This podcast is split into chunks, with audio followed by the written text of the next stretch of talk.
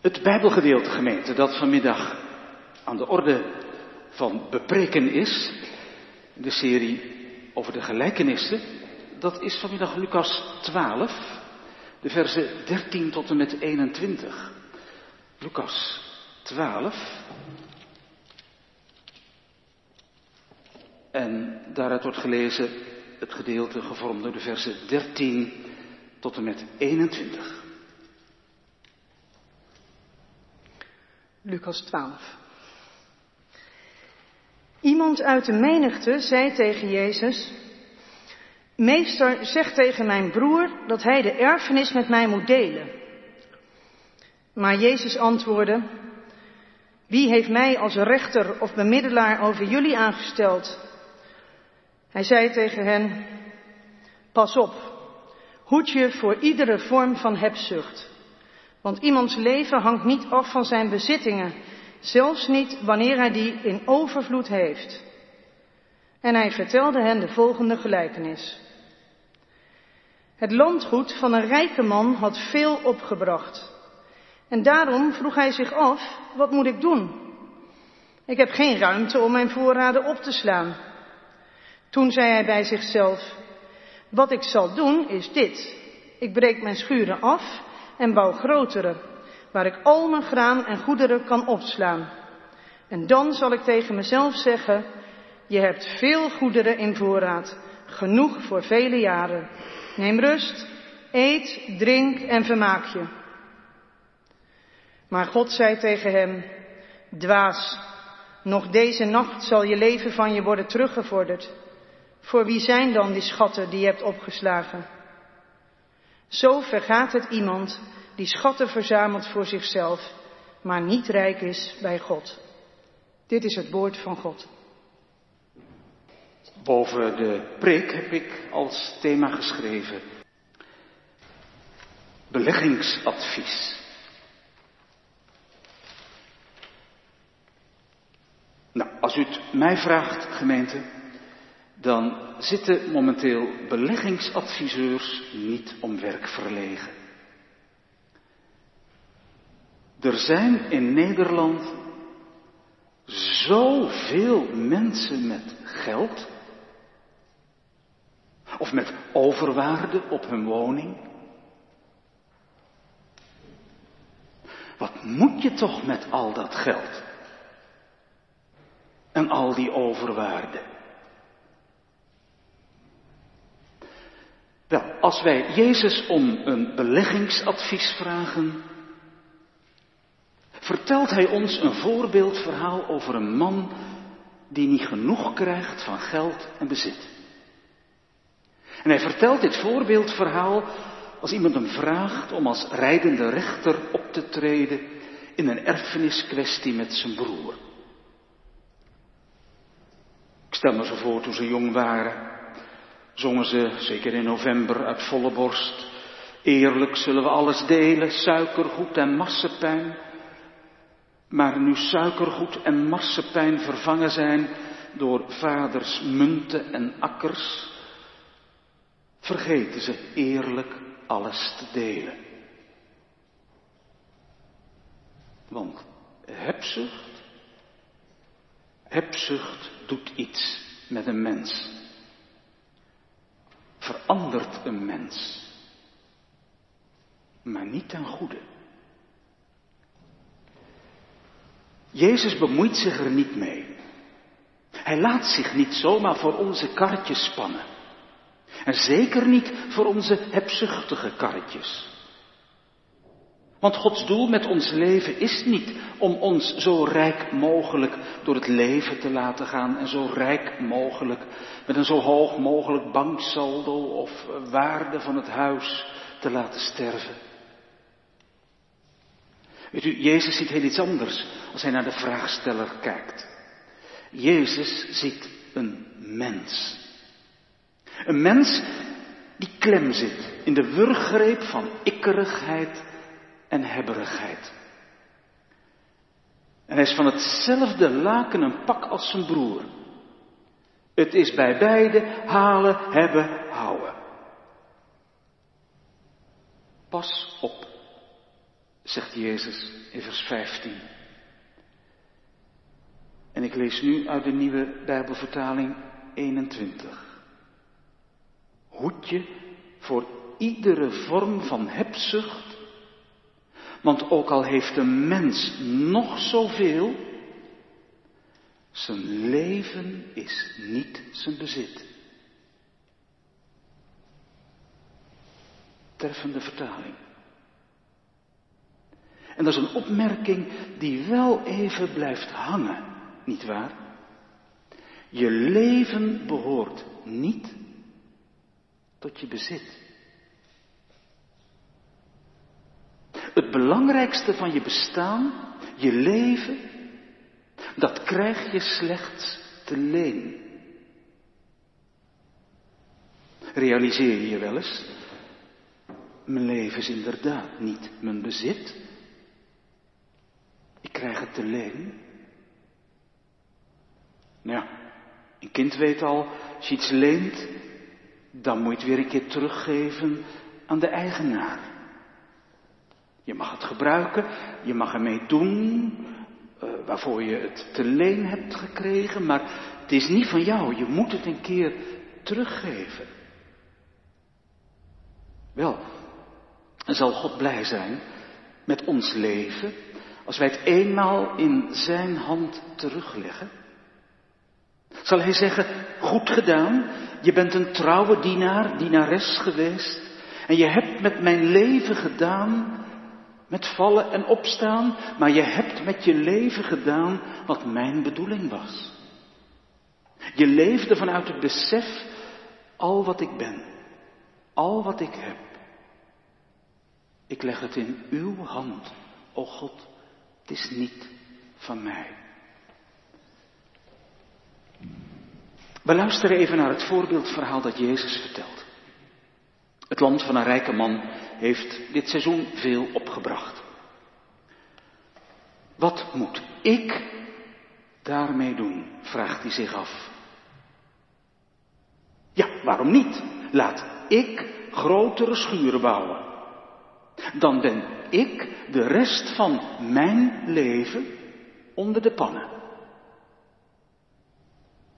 Is verzeggend gemeente dat deze man in deze korte gelijkenis meer dan tien keer mijn of ik zegt.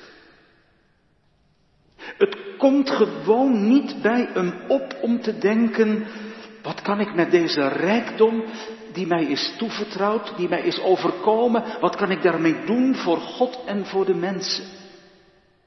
Hij denkt alleen maar, hoe kan ik zoveel mogelijk uit mijn vermogen halen? Wie geeft mij een goed beleggingsadvies? Nou, hij geeft zichzelf een beleggingsadvies. Wat ik zal doen is dit. Ik breek mijn schuren af en bouw grotere waar ik al mijn graan en ook letterlijk al mijn goederen kan opslaan. En dan zal ik tegen mezelf zeggen, je hebt veel goederen in voorraad, genoeg voor vele jaren, neem rust, eet, drink, neem het ervan, vermaak je. En als hij s'avonds voldaan in slaap valt, droomt hij weg bij de gedachte aan zijn lieve leven vol grotere schuren en machtig kapitaal en goede beleggingen. Tot hij ineens wakker schrikt. Wat hoort hij? Wat hoor ik? Wat? Dwaas. Plots hoort hij iemand tegen hem zeggen, dwaas. Niet te geloven toch? Dwaas. Goed bezig? Dwaas. Ineens staat hij voor God. En die zegt tegen hem, dwaas, je tijd is om. Geef je geleende leven maar aan mij terug, want ik, je schepper, heb je het leven niet gegeven om vol te zijn van jezelf en te leven voor de heb? Dwaas. Wat je hebt, in kluis jezelf, moet je loslaten. En er is niemand die je dan vasthoudt.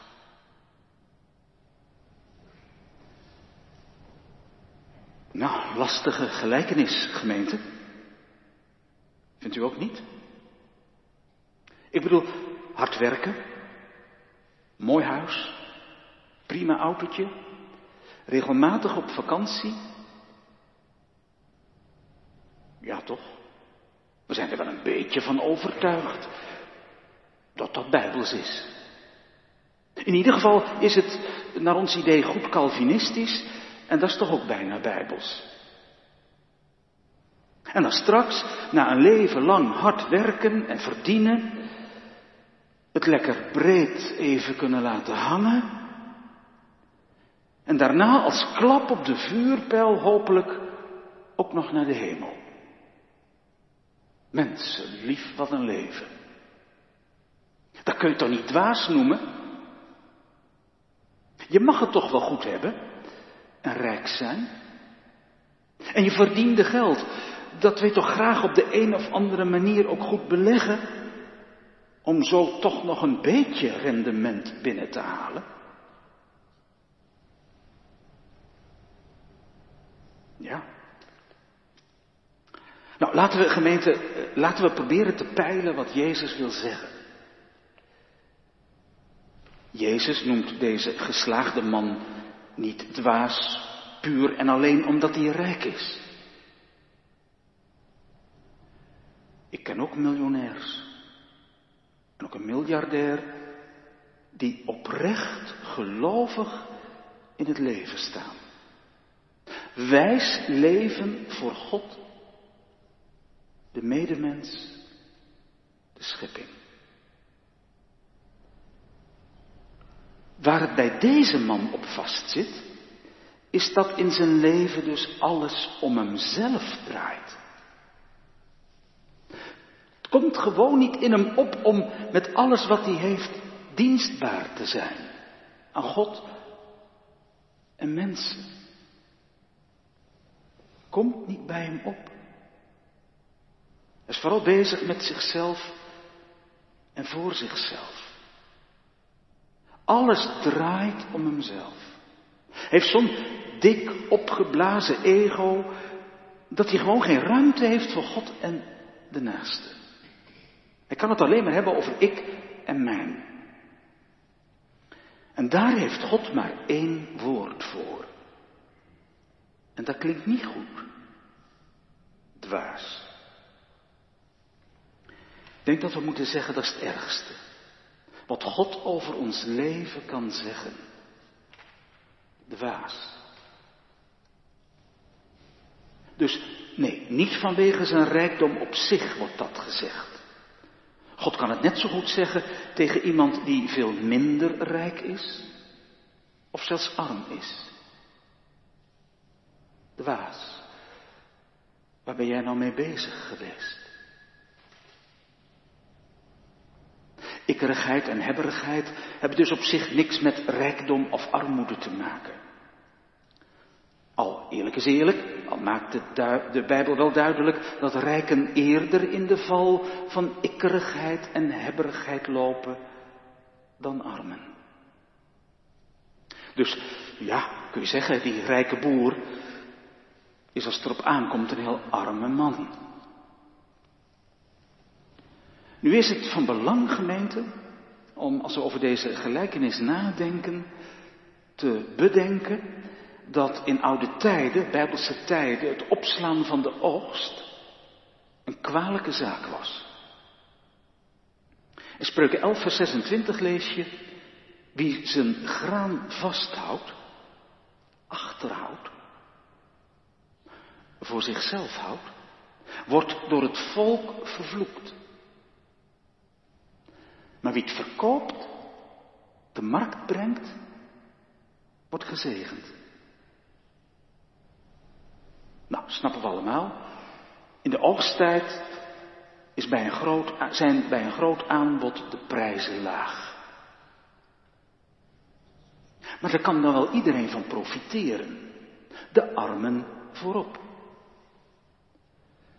Maar als producent of handelaren bijvoorbeeld graan achterhouden, ontstaat er schaarste. Stijgen de prijzen. Nou, we zien het momenteel bij de gasprijzen. Een mogelijk tekort drijft de prijzen enorm op. En wie zijn daar het meest het slachtoffer van? Mensen die het toch al niet breed hebben. Terwijl er, volgens mij, één man is die met één druk op de knop voor zoveel gas kan zorgen dat niemand in armoede hoeft te komen door te hoge gasprijzen. Ik denk dat we daar hier ook aan moeten denken. Door het achterhouden van koren kan zomaar hongersnood ontstaan onder armen. Terwijl producent of handelaar door die kunstmatige schaarste kan cashen. Onlangs las ik dat een paar Duitse autofabrikanten van gerenommeerde merken ook wat minder auto's willen gaan produceren. Om zo een hogere prijs te kunnen vragen die de klanten toch wel kunnen en willen betalen. Ik bedoel maar, heel actueel dus. Schaarste creëren. Het wordt in vers 18 met rood onderstreept. De rijke man wil al zijn koren en goederen opslaan. Alles. Hij wil de mogelijkheid scheppen om voor vele jaren zijn oogsten vast te houden. En zo kan hij met zijn volle schuren slechte tijden afwachten om dan met veel winst zijn graan te verkopen.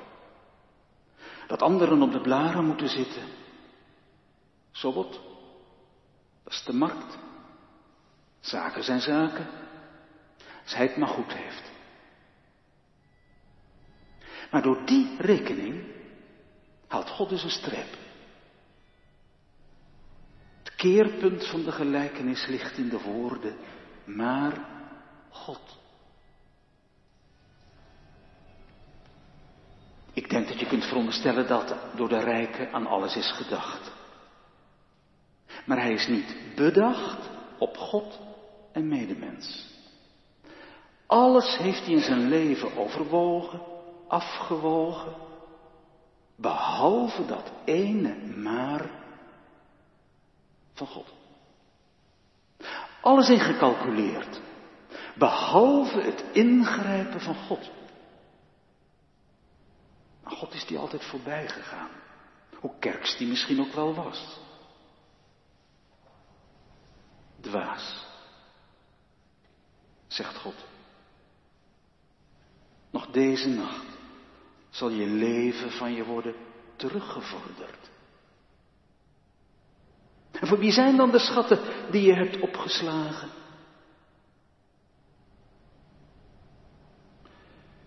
Broeders en zusters, in dit voorbeeldverhaal kijkt Jezus ook u, jou en mij aan. Besef je dat je leven niet je bezit is? Niet je eigendom. Dat je het te leen krijgt en weer in Gods hand moet terugleggen. Als God straks aan de deur van je leven staat en je leven terugvordert wat zal hij dan zeggen? Wijs? Of dwaas? Dat maakt wel verschil. Dwaas ben je, zegt Jezus in vers 21, als je in je leven alleen maar schatten verzamelt voor jezelf, maar niet rijk bent bij God. In God. Vanuit deze gelijkenis komt de vraag op of je in je leven alleen maar wilt houden wat je hebt, Of dat je ook kunt delen met wat je te leen krijgt. Nou ja, wereldwijd, laten we eerlijk zijn, vinden wij mensen en volkeren het lastig te delen. Wij willen toch ook zo goedkoop mogelijk grondstoffen importeren. Derde wereldlanden. Zodat wij zo goedkoop mogelijk uh, aan onze producten kunnen komen. En geld overhouden voor leuke dingen. En zelfs coronavaccins kunnen we slecht delen met arme landen. Want wij zijn er toch ook nog en wij zijn toch eerst aan de beurt. Wij moeten toch eerst aan onze trekken komen. En duurzamer leven, zodat we de aarde ook nog kunnen delen met toekomstige generaties. Oei, dat gaat ons wat kosten. En dat valt ons zwaar. Een tekst als Spreuken 11, vers 26, die ons oproept om te delen, geeft ons richting, wijsheid op dit punt. Sowieso gaan veel spreuken uit het spreukenboek over onze omgang met rijkdom, geld en bezit. En zeker, spreuken zegt duidelijk dat hard werken niet verkeerd is. Doe gewoon je best, zegt spreuken. Minder doen noemt spreuken luiheid. Maar, zegt spreuken ook, blijf wel beseffen, hoofdstuk 10 bijvoorbeeld, dat het Gods zegen is die jou rijk maakt. En als je vermogen groter wordt, kijk dan wel uit.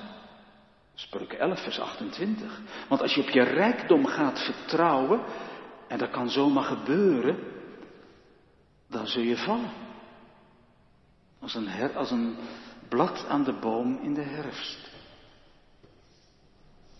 En een andere spreuk zegt, spreuk 18 vers 11, een rijkaard denkt dat zijn bezit een vesting is. Achter een muur van bezit waant hij zich veilig. Maar als je je identiteit baseert op wat je hebt, is dat een schijnzekerheid. Een schijnveiligheid, leert Jezus ons. Want nogmaals, je krijgt je leven dus te leen. En als God je zegent, zegent Hij je niet om met je leven aan de haal te gaan, maar om er bewust van te leven en ervan te delen, om zo God te eren. Te veel voor jezelf willen houden, of rijkdom en bezit als doel zien in je leven, daarvoor zegent God je niet. Het komt erop aan dat u, jij en ik, dat we de Heer onze God eren met alles wat wij in overvloed ontvangen. Spreuken 3 zegt, eer de Heer met al je rijkdom. God eren met alles wat je hebt ontvangen, dat doe je ook door er bewust van te genieten. Of zoals Jezus adviesingsbeleg luidt, zoek eerst Gods koninkrijk. Wees rijk bij God, met God. En dan zullen je al die dingen, hè, waar jij je zo druk om kunt maken, zomaar geschonken worden. Daarom, wees blij met wat God je geeft. Eet, drink, geniet en doe je ding voor het aangezicht van God. En dan voel je vanzelf aan dat bij zo'n leven hebzucht helemaal niet past. Maar wel vrijgevigheid en genieten. Dat leer je vanzelf, vanwege de bron waaruit je als christen put, de levensbron Christus. Zoals 2 Korinthe 7, vers u kent de liefde die onze Heer Jezus Christus heeft gegeven. Hij was rijk, maar is omwille van u arm geworden, opdat u door zijn armoede rijk zou worden. Jezus gaf alles weg. alles zichzelf in kluis. Uit liefde. Om u, jou en mij eeuwig rijk te maken. En daarom luidt Gods beleggingsadvies. Leef uit die genade. En daar waar de Heilige Geest ons leert arm van geest te worden, nederig van hart, daar worden we andere mensen. Veel mooiere mensen. Als je niet langer jezelf opblaast voor God en voor de mensen, maar jezelf ook eens weet klein te maken voor God, dan kan Zijn grootheid ons vervullen, zodat we rijk worden bij Hem en een schat in de hemel verzamelen. En je zult beleven en geloven, rijker kun je niet zijn als je Jezus hebt. Eén ding nog, gemeente. Als je iets te leen krijgt, hè, dan kun je daarmee niet zomaar doen wat je wilt. Maar je mag het wel gebruiken. En dan kunnen er gebruikssporen ontstaan. Er kunnen krassen, deuken, scheuren ontstaan. Maar dat hoort bij het gebruik. Is dat met ons leven ook niet zo? We krijgen het dus te leen, we hebben het niet in bezit.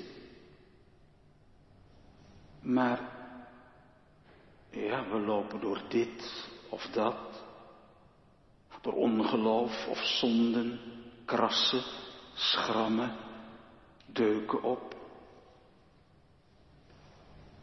Maar dat is niet het ergste.